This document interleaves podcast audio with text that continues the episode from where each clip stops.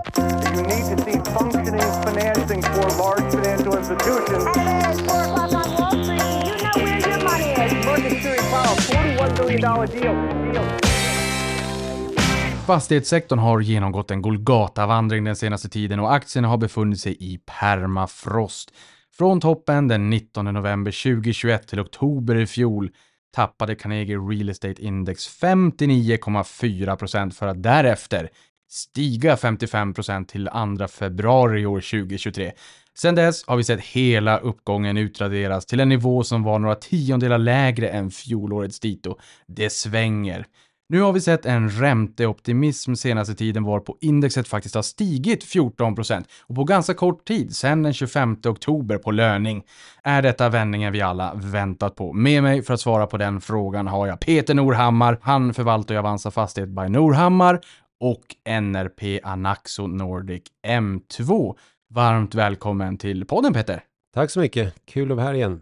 Riktigt kul att ha dig här. Det har ju varit en skitbörs kort och gott under nästan varenda avsnitt vi har gjort senaste åren, för det har varit det har varit ett riktigt, riktigt surt marknadsklimat. Jag vet att du har varit frustrerad. Fundamenta har inte fungerat. Det har varit ett ganska mörkt narrativ och vi har ju haft en, en räntedriven krasch både på räntemarknad och aktiemarknad och allt det här kokar ner till att det har varit tufft för fastighetsbolagen. Finns det nu fog för att vara lite mer optimistisk skulle du säga? Ja, men det tror jag. Jag har ju faktiskt under hela tiden varit ganska optimistisk vad gäller bolagens fundamentala utveckling. Eh, och det är jag fortfarande. Eh, jag tycker att bolagen i takt med att vi får se deras kvartalsrapporter rulla in så tycker jag att de allra flesta visar en förmåga att hantera det högre ränteläget. Då. Eh, och det förväntar jag mig eh, en, en fortsatt sådan utveckling då. Frustrerande är ju dock att det, börsen har ju kanske inte brytt sig så mycket om bolagens fundamentala utveckling, så vi ser en stor skillnad mellan börs och verklighet egentligen. Eh, och då är det ju signaler om lite lägre inflation eller signaler om färre eller mindre räntehöjningar från centralbankerna som är så att säga triggern. Och nu ser det väl ut som att vi får lite sådana mjukare signaler. Så att eh, då känns det som att eh, börskurserna har ju börjat trenda uppåt kan vi väl hoppas på då, eller studsa uppåt i vart fall nu i det korta perspektivet. Men det måste ju ändå vara ganska frustrerande. Jag vet att vi har diskuterat den här frågan många gånger tidigare, men man brukar ju säga titta på fundamenta, titta hur det går för bolagen, hur det går för bolagens aktier. Ja, men där påverkar ju allt i det korta perspektivet och det är mycket förväntningar och det är kanske andra hästar som springer snabbare just för stunden. Det måste ju vara väldigt frustrerande och ha varit att se att fundamenta ändå vittnar om att det inte är någon kris vi pratar om, samtidigt som marknaden inte riktigt har velat lyssna på det. Ja, jag är helt enig med det. Eh, och kan vi konstatera att börsen kanske inte är lika nördigt intresserad av fastighetssektorn och orkar göra detaljjobbet så som vi och vårt investeringsteam har gjort. Eh, men jag tror väl i takt med att bolagen, som jag säger, eh, visar flera kvartal på att man faktiskt lyckas hantera den nya räntemiljön, då tror jag att börsen till slut kommer också göra bedömningen att någon kris för bolagen blir det ju inte. Sen är, finns det stora skillnader mellan olika bolag naturligtvis, men de allra flesta kommer ju klara av det här på ett bra sätt. Alltså jag, jag, tror, jag kommer ihåg när du var som mest frustrerad, för då tyckte du att fastighetsbolag, de har ingenting på börsen att göra. Sa jag så? Ja. ja, ja. Eh, men, men, mer eller kanske att investerarna inte riktigt förstod och, och, kunde uppskatta värdena där för att det var så stor diskrepans mellan, ja. mellan fundamenta och, och, hur man eh, valde att, eh, att handla de här bolagen ja. och värdera dem så att säga. Ja, äh, men det, det var nog ett uttryck för min frustration, men på lång sikt så har fastighetsbolagen absolut på börsen att göra, för det är ju på lång sikt så har ju fastighetsaktier faktiskt utvecklats bra mycket bättre än börsindex och den trenden förväntar jag mig fortsätter, bara vi blir av med den här eh, liksom eh, enorma inflationsskräcken som vi nu har haft bakom oss i senaste 18 månaderna ungefär. Just det. Det, det pratas ofta i media om att inflationen är alldeles för hög, men som du säger, i, i, eh, på de allra flesta håll så är det faktiskt ganska länge sedan vi såg topparna nu. Ja. Det är klart att inflationen är för hög, inflationstakten är för hög, men, men toppen ligger ganska långt bakom oss på, på rätt många ställen. Vi befinner oss ju mitt i en eh, rapportperiod. Den går mot sitt slut. Har du några spännande spaningar att bjuda på som du har eh, plockat upp? Ja, men vi har väl fortsatt sammanställa bolagen och vi kan väl konstatera att eh, någon fastighetskris som det ibland pratas om har vi absolut inte. Den så kallade nettouthyrningen, alltså skillnaden mellan de lokaler som bolagen hyr ut minus de lokaler som bolagen får tillbaka i form av att hyresgästerna flyttar därifrån. Det talet kallas för nettouthyrning och det är ju fortsatt positivt i Q3 då. Och det, allt annat lika så innebär det eh, att ränteintäkterna kommer fortsätta stiga framöver då. Och det är en sån typisk indikator på att bolagen så att säga fundamentalt sett mår ganska bra trots allt då. Eh, och vi ser ju också att de här operativa resultaten, alltså resultat före betalda räntor, det är också ett tecken på, eller det är också en signal om hur bolagen mår underliggande. De är ju faktiskt på all time high. Vissa skillnader med olika bolag, men generellt sett i sektorns operativa resultat på all time high. Då. Så att det är för mig en, en, en viktig indikator att det, det, det, går, det går bra underliggande så att säga. Värdejusteringar brukar vi också följa upp förstås. Även där stora skillnader, men i genomsnitt så har väl bolagen eh, fortsatt redovisa fallande värden i nivån 1% jämfört med kvartalet innan. Eh, det var något bolag som, eh, det var eh, Swedish Logistics Property, eh, redovisade ju stigande värden med cirka 1%. Medan några andra har låtit dem falla så mycket som 3-4%. Men genomsnittet som sagt minus 1%. Då, då. Och jag förväntar mig väl att eh, ja, värdena kommer väl fortsätta justeras ner några kvartal till, men inte heller där någon direkt dramatik i förhållande till hur aktierna faktiskt värderas. Då. Hur går snacket i, i sektorn? Vad är det man fokuserar på allra mest? Vad säger antingen kollegorna i sektorn eller, eller bolagen? Det är fortsatt jättemycket fokus på hur klarar bolagen att hantera de högre räntorna? Hur fort går det för de, det högre ränteläget att träffa resultaträkningen givet alla olika derivat och, och, och sådant. Det, det, andra är lite på samma tema. Hur går det nu att omfinansiera de obligationer som löper ut? Ersätts de med eget kapital eller ersätts de med nya obligationer? I så fall till vilka räntor? Eller lyckas bolagen flytta de här obligationsskulderna till bank? Det är, ju mycket av de här resonemangen som, som, som förs helt enkelt. Då. Och, och där kan vi väl konstatera att eh, bolagen lyckas ju faktiskt successivt flytta ganska stora volymer från obligationsmarknaden till, till bankerna. Eh, de stora affärsbankerna har ju ökat sin utlåning mot kommersiella fastighetsbolagen eh, för varje kvartal som har gått sedan inflationen började eh, stiga. Då. Så det är ju alldeles uppenbart att bankerna tycker att det är fortsatt attraktivt att låna ut till bolag förutsatt att de har en sund balansräkning och i övrigt är välskötta då. Så jag, jag tror väl också det. Det går ju att göra skräckscenario här, men om man i, verkligen gör sin hemläxa, då ser man ju faktiskt att som sagt, bolagen lyckas ju successivt flytta de här volymerna och jag tror att i takt med att aktiemarknaden ser det så kommer vi få en lite mer relief på, på börsen kanske och lite högre, vilket kan leda till högre börskurser trendmässigt så att säga. Och, och var skulle du säga att bolagen är mest aktiva för stunden då? Jag menar förvaltning av det befintliga beståndet eller projekt och förädling av det man sitter på eller transaktioner. Om man skulle behöva vikta det här, vart fokuserar bolagen mest just nu? Jag tror det är väldigt mycket fokus på förvaltning av det man faktiskt äger, som du säger. Eh, se till att krama ut maximala kassaflöden ur det man äger, dra ner på investeringar, eh, alltså i, i, i, form av framtida projektutveckling, eh, utan se till att skapa kassaflöden här och nu.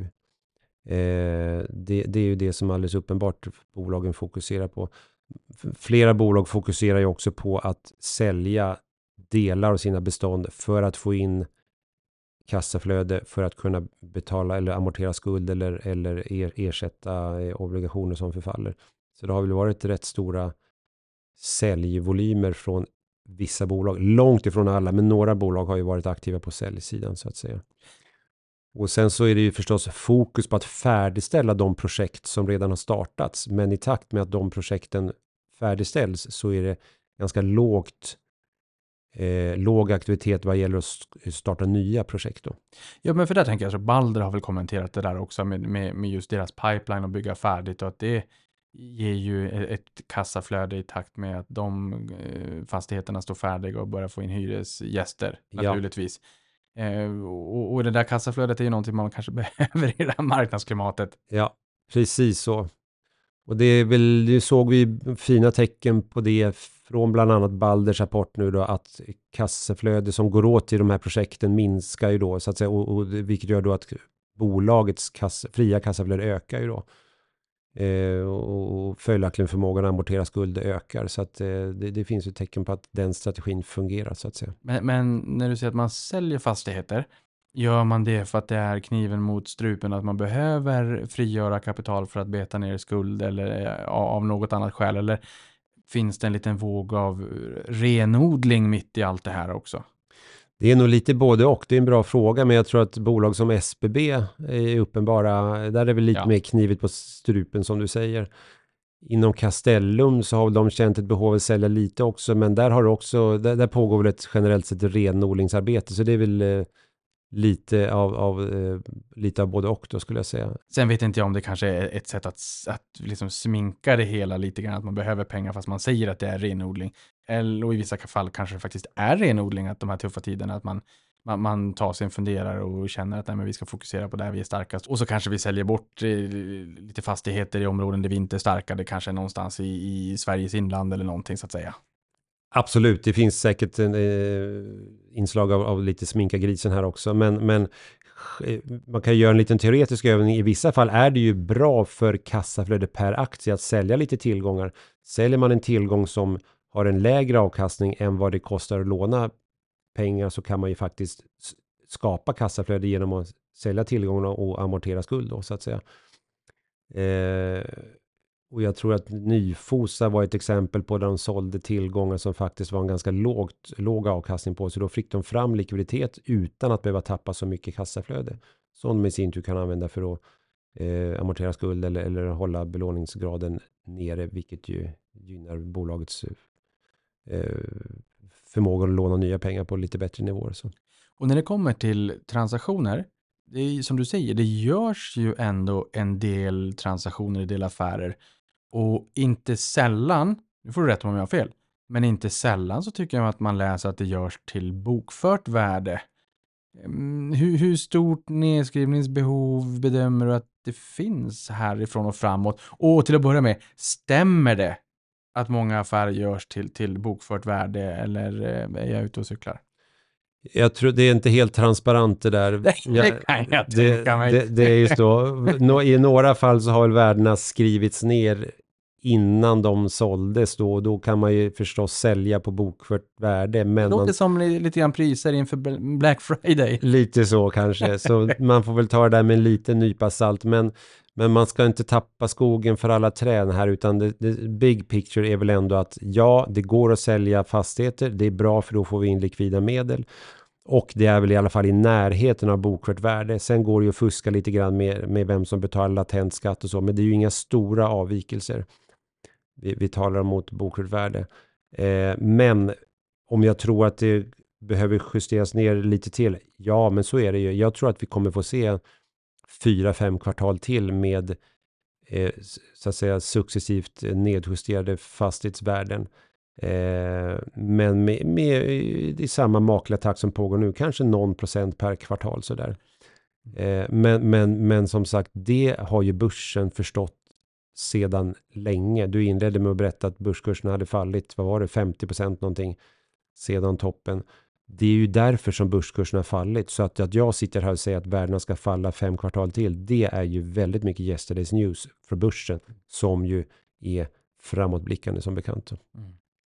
Ja, men det är ju väldigt intressant. Och skulle du säga de här eh, fyra, fem kvartalen till som du pratar om, eh, nedskrivningarna i, i procent eller reda i kronor och ören, är det baktungt eller framtungt eller är det ganska same same under de här fem kvartalen? Så har vi tagit en stor del av, av batchen på nedskrivningarna eller kan det vara så att vi har mer framför oss? Jag tror nog att det blir ungefär samma takt framöver. Det här är ju en exakt vetenskap, utan bolagen eh, tar hjälp av externa värderingsmän som i sin tur tittar på vilka deals som har gjort ute i direktmarknaden. Så det blir en, en naturlig eftersläpning här. Och jag, jag tror att vi kommer få se ungefär samma takt framöver då. Men det, nu pratar vi hela tiden nominella justeringar. Vi ska inte glömma bort att vi har ju också haft en inflation på över 10% sedan ja, senaste 18 månaderna. Så att i reala termer så har ju värdena justerats ner med 15% eller mera skulle jag säga. Eh, och, och, och, och, jag menar mot bakgrund av det så har vi absolut det största värdefallet bakom oss. Om, om vi tittar på eh, eh, eh, reala tal då. Det är jag alldeles övertygad om. Eh, och räknar man baklänges återigen, vi måste hela tiden relatera det vi pratar om till börskurser då. Jag menar, tittar man, försöker man implicit räkna ut hur börsen, vad, vad börsens förväntan är om värdefall så, så, så enligt mina bedömningar så, så tror börsen att värdena ska falla 10, 15, kanske 20 procent till i många fall. Det tror jag är överdrivet negativt av, av börsen och förvänta sig sådana stora nedskrivningar. Ja, för man brukar ju också säga att fastigheter ändå är ett tillgångslag som faktiskt gynnas i inflationstider. Sen är det ju klart att vi, det här är ju ett ganska, jag ska inte säga unikt skeende. På sätt och vis är det unikt. Vi, vi hade i slutet 70 början 80-talet i USA jättehög inflationstakt och sen har vi haft lite hög inflation till och från i Sverige ja. efter det också. Men, men just det här att gå från negativa räntor och nollräntor 22 till, till dagens väldigt höga räntor, det i sig, det är ju unikt. Det är unikt. Ehm, ja. Så där, jag menar, även om vi skulle få se en 25 punkters höjning till eller 50 eller vad det än är, det är ju fortfarande som andel eh, en, en ganska ja, alltså marginaleffekten kan ju vara jobbig för bolagen naturligtvis. Sista droppen som får bägaren att rinna över, så är det ju. Men, men, att gå från noll och ingenting till dagens nivåer kommer ju alltid att vara mer än att gå från dagens nivå 25 punkter till. Ja, så är det ju, absolut. Även där så har vi, ser det ut att ha det värsta bakom oss helt enkelt. Då. Och sen så absolut, fastigheter brukar vi säga en, en realvärdebeständig tillgång ska vara inflationsskyddad. Så är det, men det är ju inte, det är inte fullt ut så. Men vi kan, vi kan väl säga att fastigheter är ju en mer realvärdeskyddad tillgång än mycket annat då. De har ju bättre inflationsskydd än mycket annat, men det är ju inte hundraprocentigt inflationsskyddat. I det korta perspektivet, i synnerhet inte när vi här hög ränte och inflationsuppgång på så kort tid. Vi kommer tillbaka till happy times någon gång. Absolut, men glöm inte bort fastigheter är ju en långsiktig vinnarsektor både på och utanför börsen. Emellanåt blir börsen överdrivet positiv och ibland överdrivet negativ. Jag tror att på lång sikt så kommer det vara en fortsatt attraktiv tillgång där. Och nu extremt negativ under den här perioden som har varit. Yes. Saknar motstycke någonsin. I din, i, i din karriär? I min karriär så saknade det nog motstycke förutom kanske Lehman Brothers-kraschen var väl också väldigt obehaglig för då trodde vi att vi skulle ha en riktig finanskris där det inte skulle gå att låna pengar. Det var ju läskigt. Men den krisen var ju ändå så pass kort så det här var, har ju varit jobbigare så tillvida att, att den här oron har pågått under så lång tid. Ja.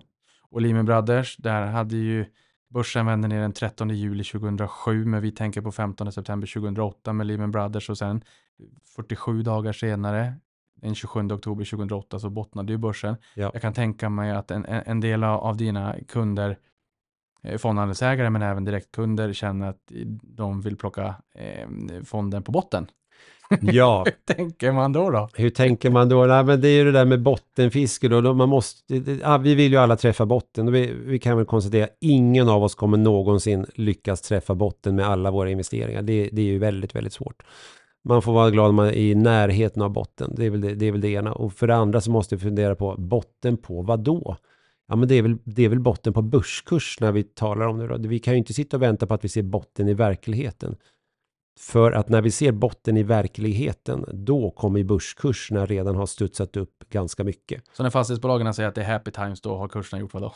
Då har de gjort, jag vågar inte säga en siffra, men då, har gjort, då tror jag att börskurserna har gjort ganska mycket. Så då är det för sent att bli, då har ju börskurserna gjort jub, jublande dubbelvolter. Så då är det ju liksom, kanske inte för sent, men då, då har vi förlorat ganska många eh, procent i uppgång. Så man ska ju köpa det här när man ser ljuset i tunneln men att aktierna fortfarande är lågt värderade och det är väl där vi är cirka idag skulle jag säga.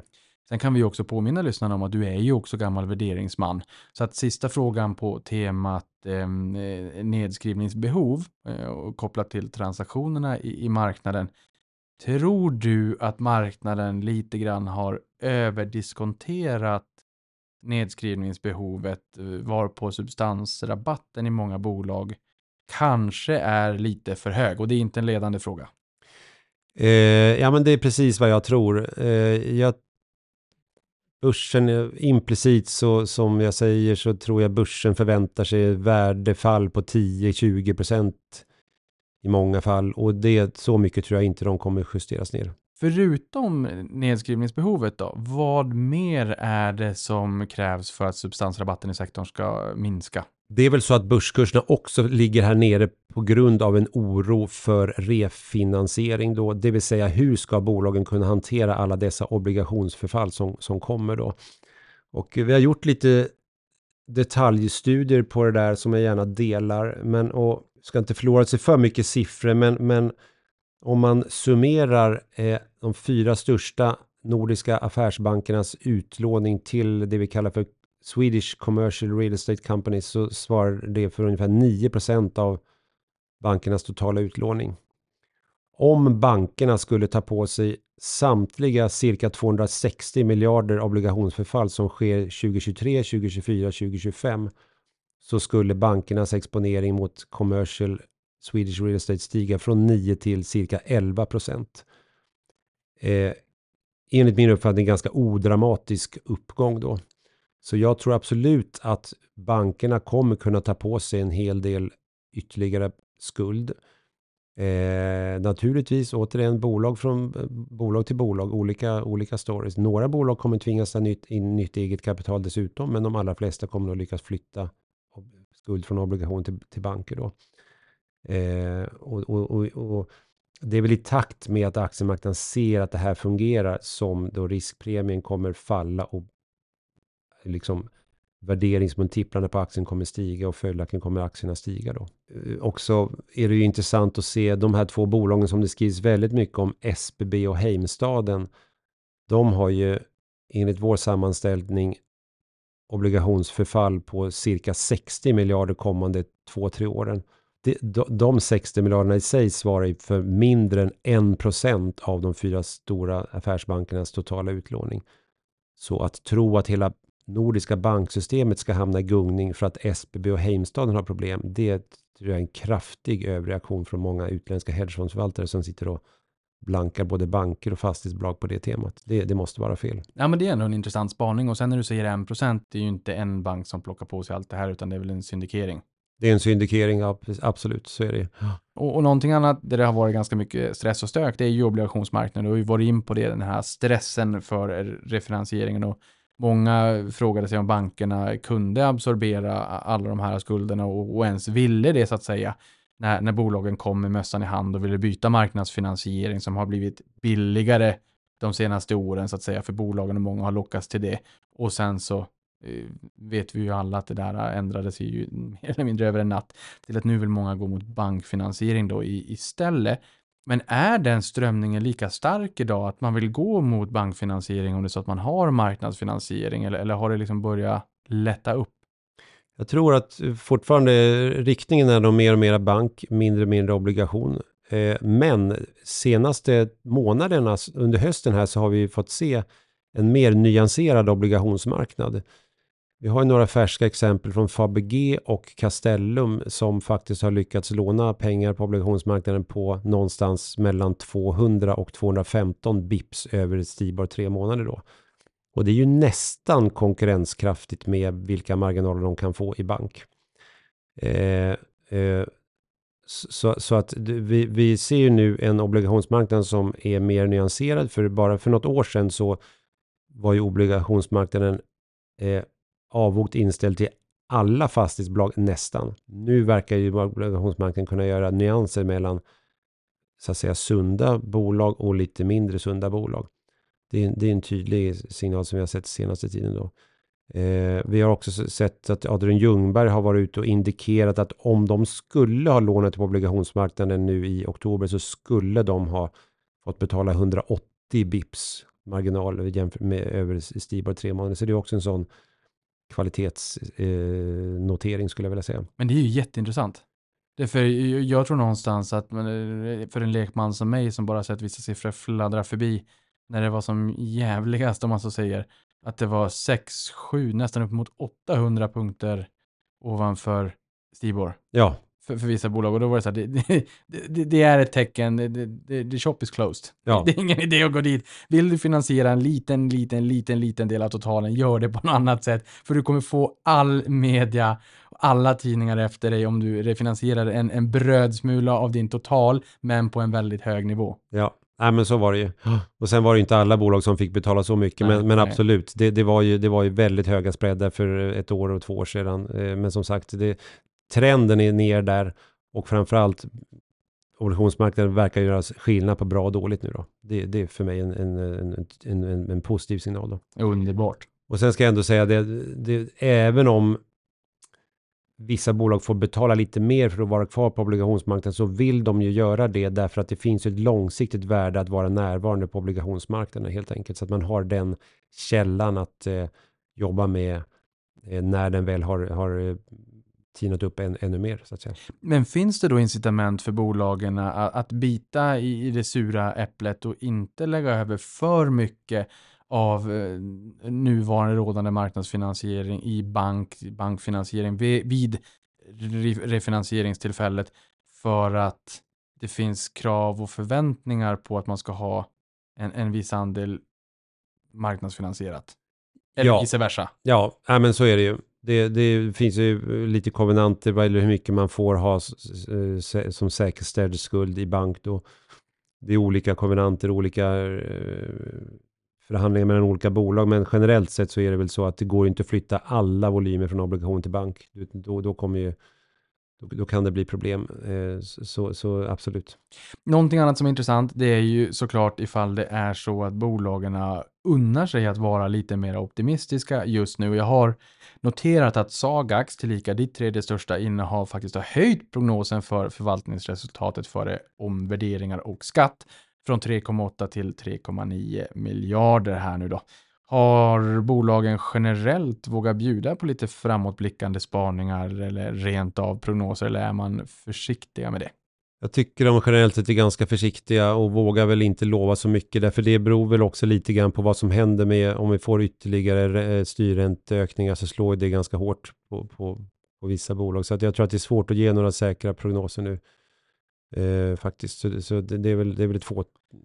Jag tror Sagas är lite grann undantaget som bekräftar regeln här. Men nu när jag känner att jag verkligen ville eh, lyssna till dig och förstå vad som händer i marknaden nu var ju just med tanke på det jag sa här i början att vi har sett mer än en halvering av indexet från 21 fram till oktober 22 och sen såg vi en uppgång på 55 procent och sen såg vi hela den uppgången pulveriseras igen till och med lägre än fjolårets nivå och nu har vi då sett 14 procent upp eh, sen 25 oktober. Ehm, och vi borde ju rimligtvis, som vi sa här i inledningen av podden, vara närmare en räntetopp nu än tidigare i, i fjol när vi såg ränterallet i, i juli. Eh, många menar på att vi, vi är på räntetoppen nu och där kanske man pratar snarare i USA då. Ehm, men, men förutom 14% upp på Carnegie Real Estate Index så har vi sett eh, Corem 30% senaste veckan, Fastpartner 24%, Balder 21%.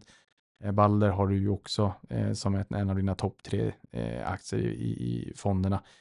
Vad är det som har hänt senaste två veckorna?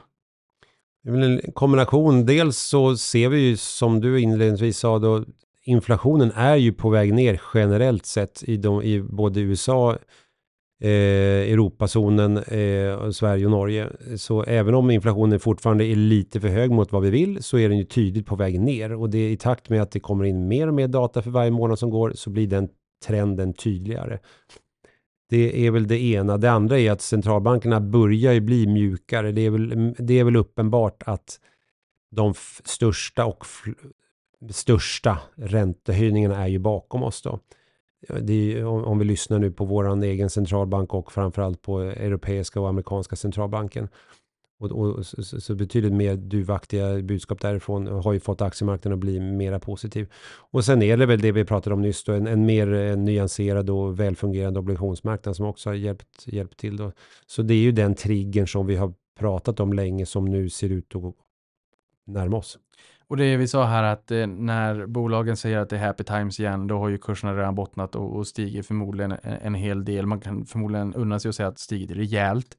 Anledningen till det är ju naturligtvis att kurserna är, är och har varit rejält nedpressade. Eh, det här, det finns liksom inget facit på den här frågan, men, men vågar du tro på att det här är vändningen med stort V?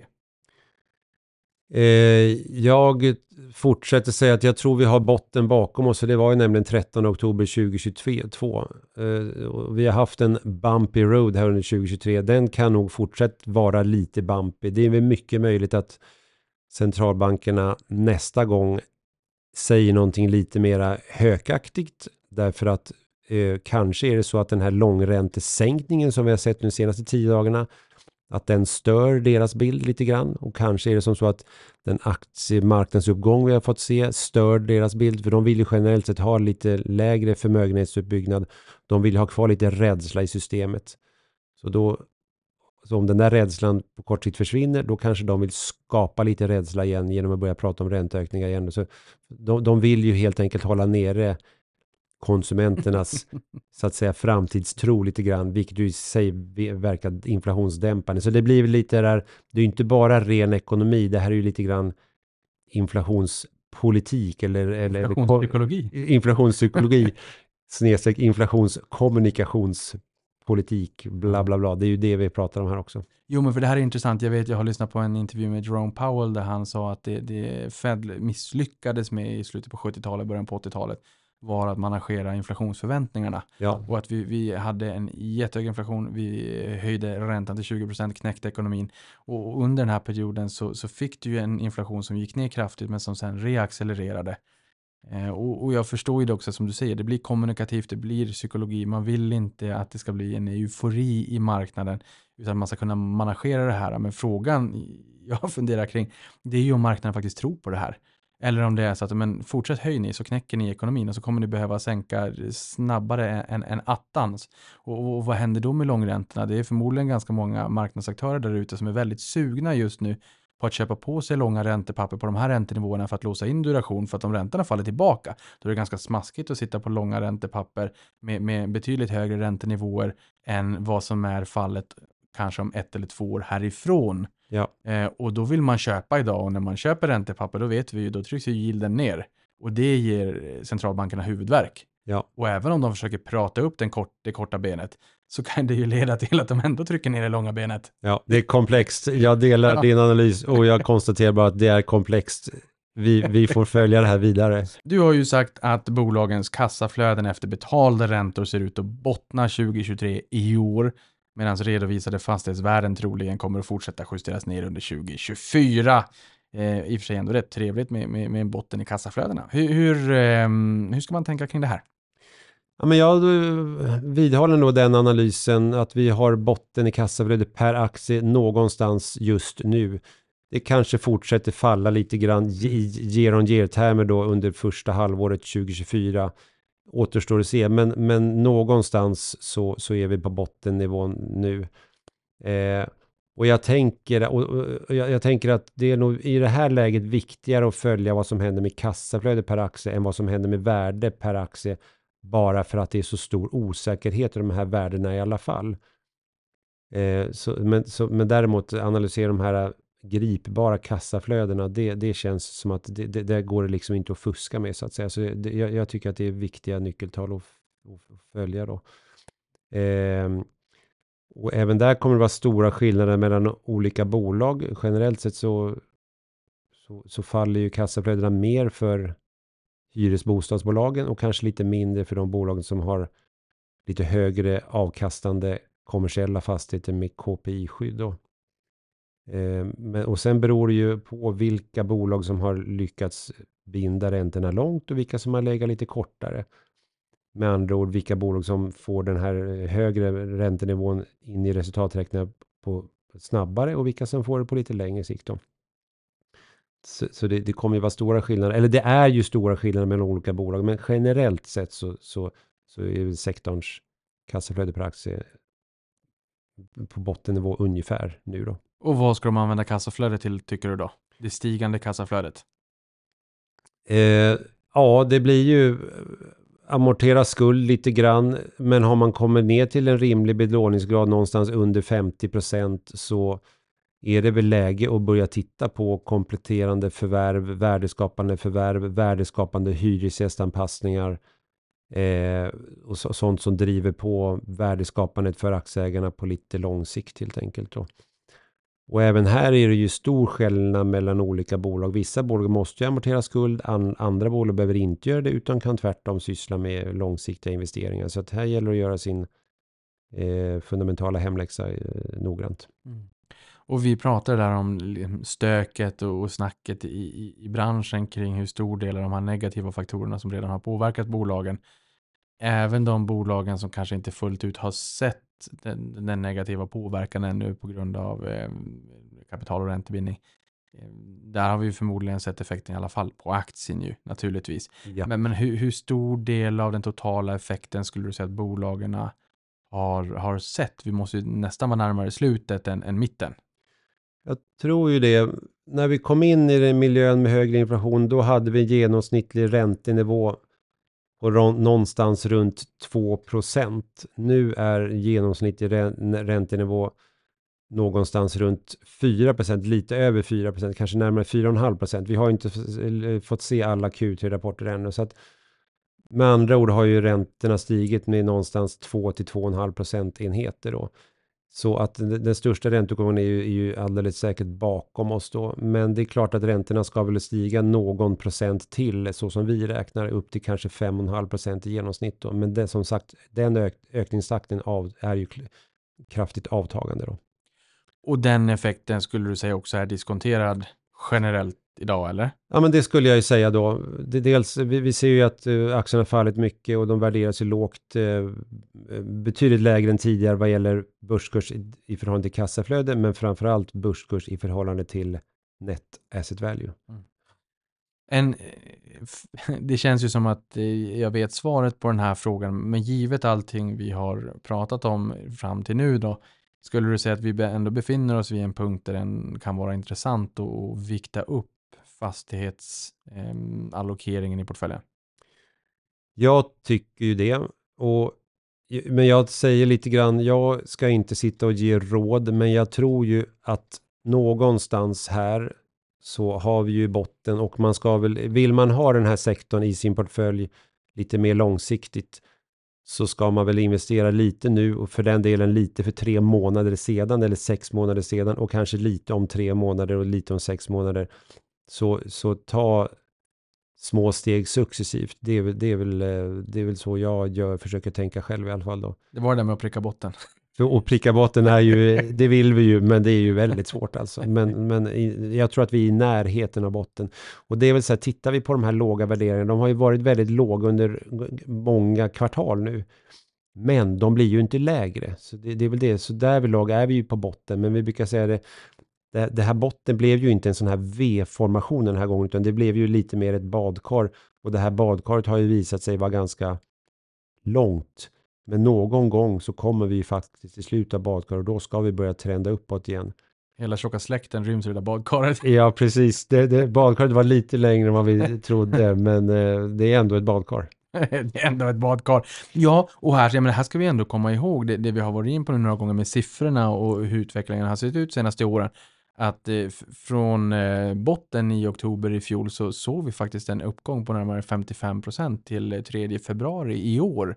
Ja. Det är en ganska rejäl eh, ökning.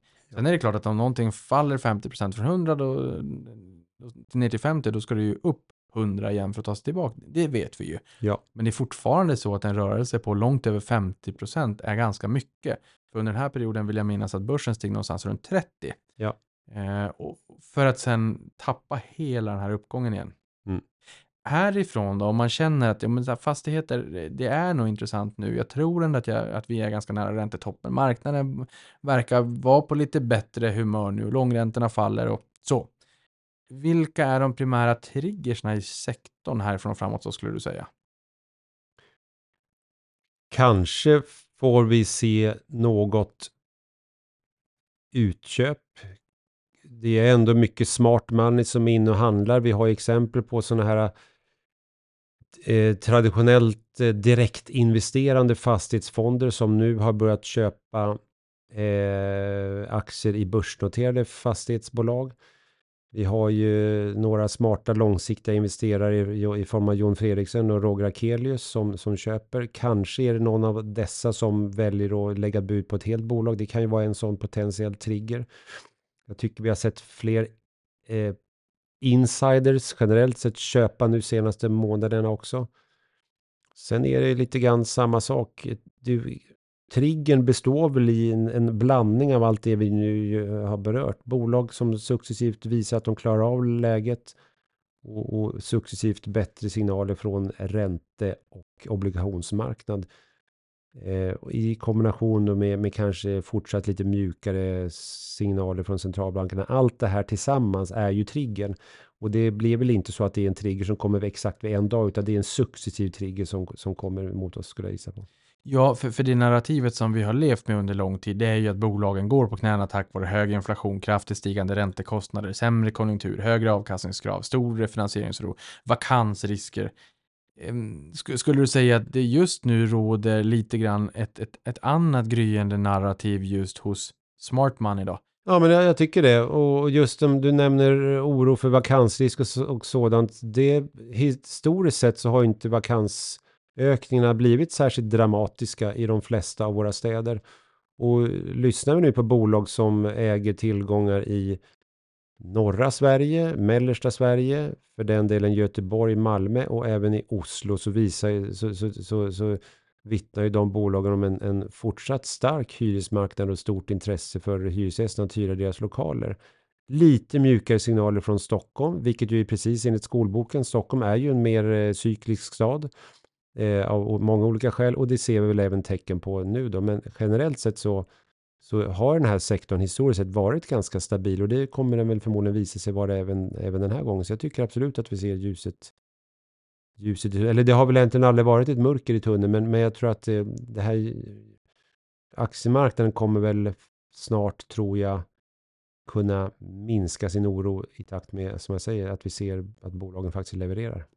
Ja, men börsen brukar man väl säga kanske är lite enkelspårig och lite en drama queen. Ja, lite så är det väl ändå. Och det är det som är så roligt samtidigt. Frustrerande men också lite roligt. Ja, men jag tänker som privatperson är det ändå ganska jobbigt att eh, binda räntorna på bolånen på de här nivåerna.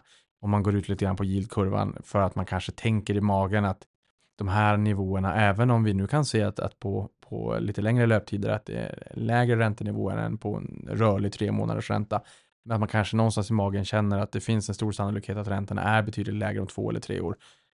Tar det här emot för bolagen också att när man refinansierar att man kanske väljer kortare räntebindning eller kan är det tvärtom så att man väljer längre?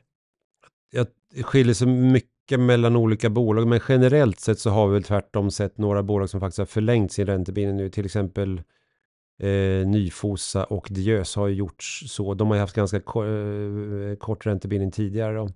Och i takt med att de närmar sig sina räntetäckningskovenanter så, så känner väl de ett behov av att säkra upp kassaflödena helt enkelt.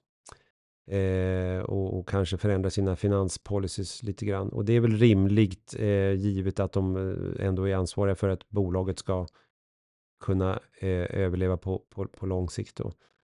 Eh, så, så det är väl eh, det, det, är väl tvärtom så att vi ser lite förlängda räntebindningar helt enkelt. Just det, förra gången vi poddade så mm, pratade du också om eh, skuldsättningen och belåningsgraderna i sektorn. Att de faktiskt hade kommit ner en hel del senaste tioårsperioden. Kanske i kon bjär kontrast eh, till vad man faktiskt tror, eller vad ja. många tror. Hur har belåningsgraderna fortsatt att utvecklas? Sen är det klart, det, det blir ju jobbigt när, när värdena faller, för då, då sticker ju belåningsgraden uppåt. Men hur, har, hur har bolagen arbetat med det här? Ja, men vi eh, har ju återigen stora skillnader mellan olika bolag. Då, men de bolag som vi har investerat i har väl en genomsnittlig belåningsgrad på någonstans mellan 46-47 procent. Så, så ganska låg ur ett historiskt perspektiv. Då.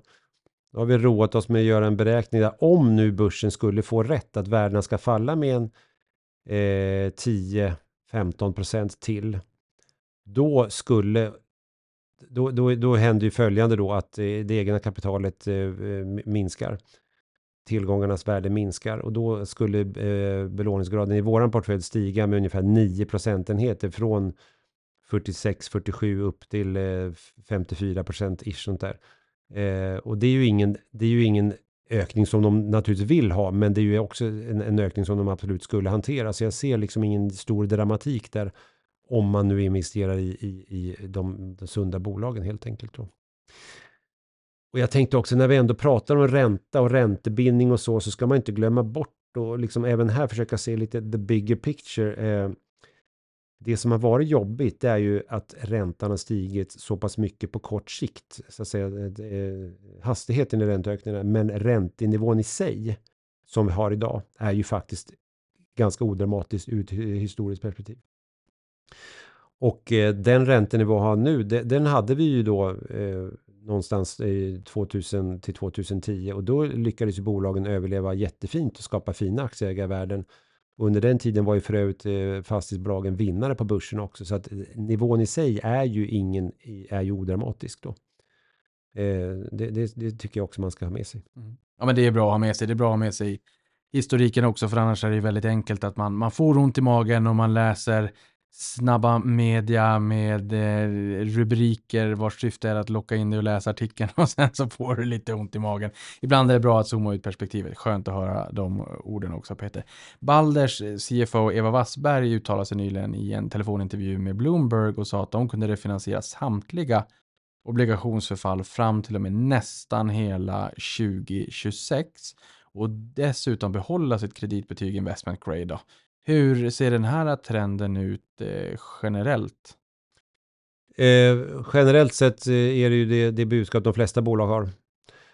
Och, så, och, det är det jag menar också när de faktiskt visar att de också kan göra det i praktiken så kommer ju börsen bli eh, mindre och mindre orolig. Så jag tror att bra att ni säger så, men se till att visa det i praktiken också. Just det. det är väl det.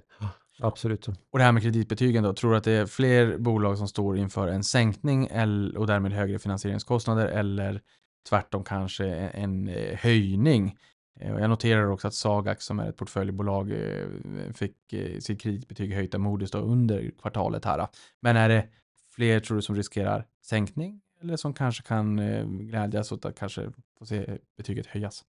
Finns väl risk för någon sänkning till, men, men eh, jag ser just nu ingen risk att någon bolag som har en IG-rating skulle hamna under IG-rating. Det, det ser, däremot så kan det finns väl ett par exempel på bolag som ligger två steg över IG som kanske kan komma ett steg närmare där då. Eh, men generellt sett och när vi pratar om det här med rating, det är ju ett fåtal bolag som överhuvudtaget har en officiell kreditrating. Så att liksom var, vara orolig för hela sektorn till följd av det här ratingperspektivet, det blir ju också en felaktig analys menar jag. Det går ju att låna på obligationsmarknaden även om du inte har en officiell kreditrating. Det är ju många som gör det. De har ju ingen kreditrating att förlora. så, så även här måste man ju ha lite perspektiv, tänker ja. jag. Så, ja. ja. och det är det, det, som är bra att du är här också och ger det där perspektivet, för att, så att man inte blir enkelspårig. Ja, men det är som du säger, det är många som inte har kreditbetyg överhuvudtaget. Ja. Mm. Väl värt att ha med sig. Var tycker du att man hittar mest värde i sektorn just nu då? Förra gången så pratade du mycket om lager och lätt logistik. Ja.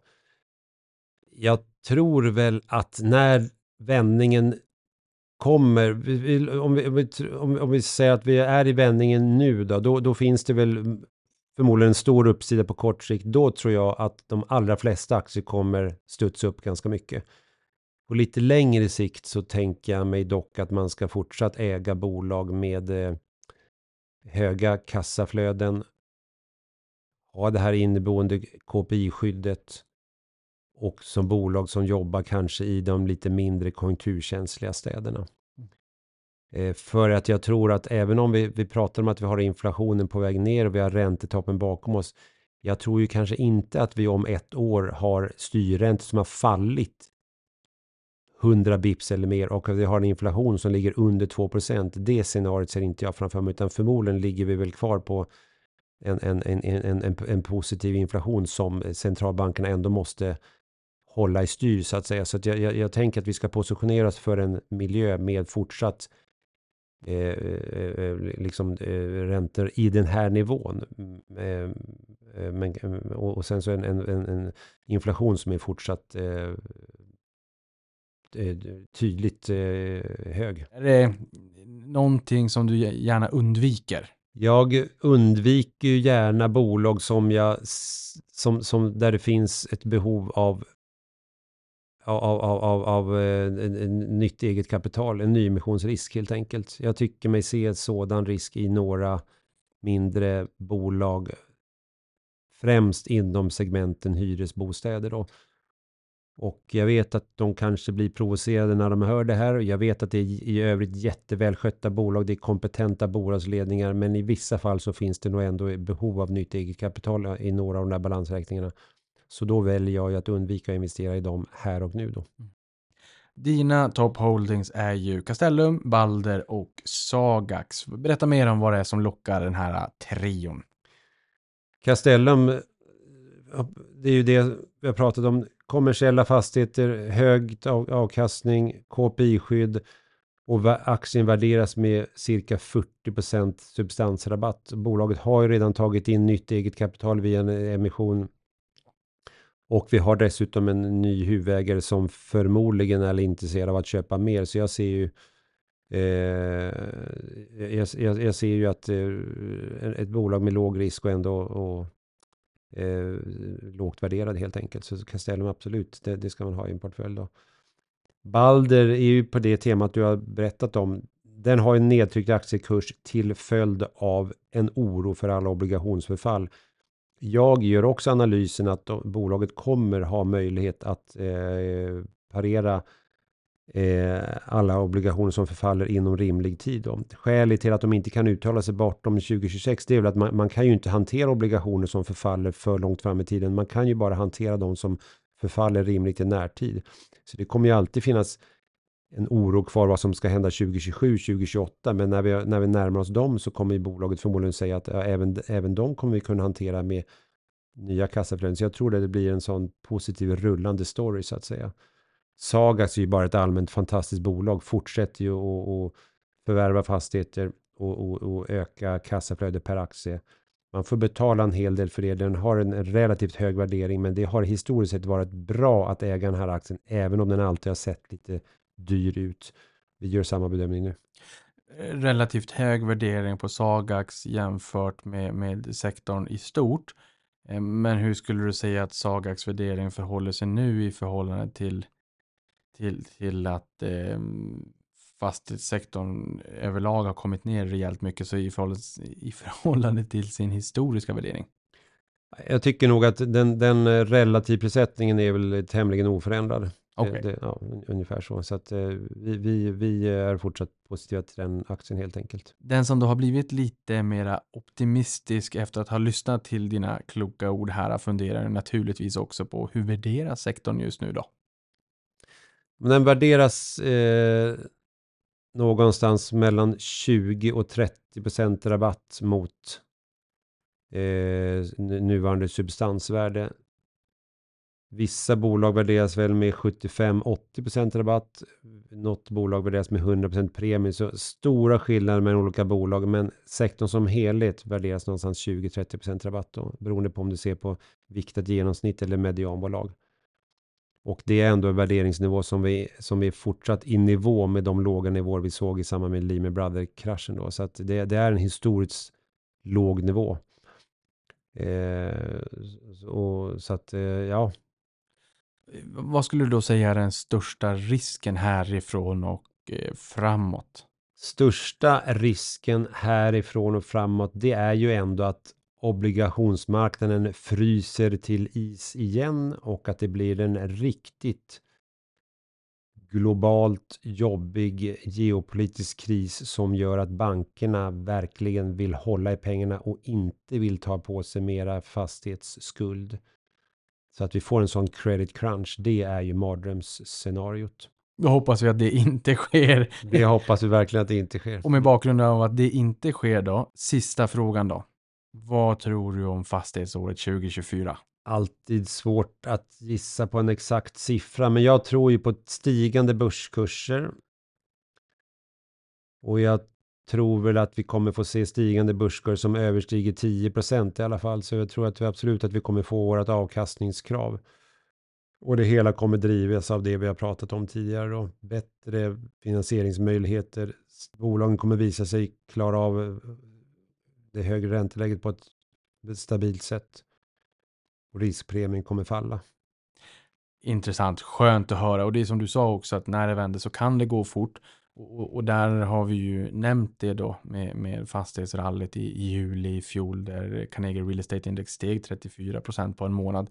Och vi såg det också från oktober i fjol när, när börsen bottnade fram till 3 februari 2023 när eh, samma fastighetsindex steg 55 procent. Så det känns ju också som att det är mycket centralbankspsykologi och när marknaden tar fasta på och faktiskt tror på att vi har passerat räntetoppen, att inflationen sjunker tillbaka.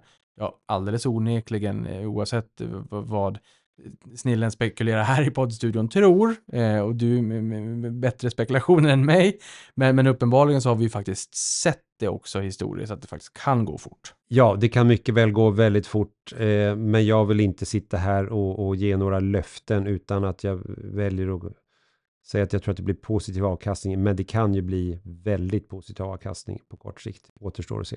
Återstår att se. Jag hoppas att du har rätt. Du förtjänar lite happy times. Det har varit några tuffa år. Nu är det dags för några roligare år istället. Peter, tusen tack för att du kom till podden och gjorde oss lite klokare kring fastighetssektorn.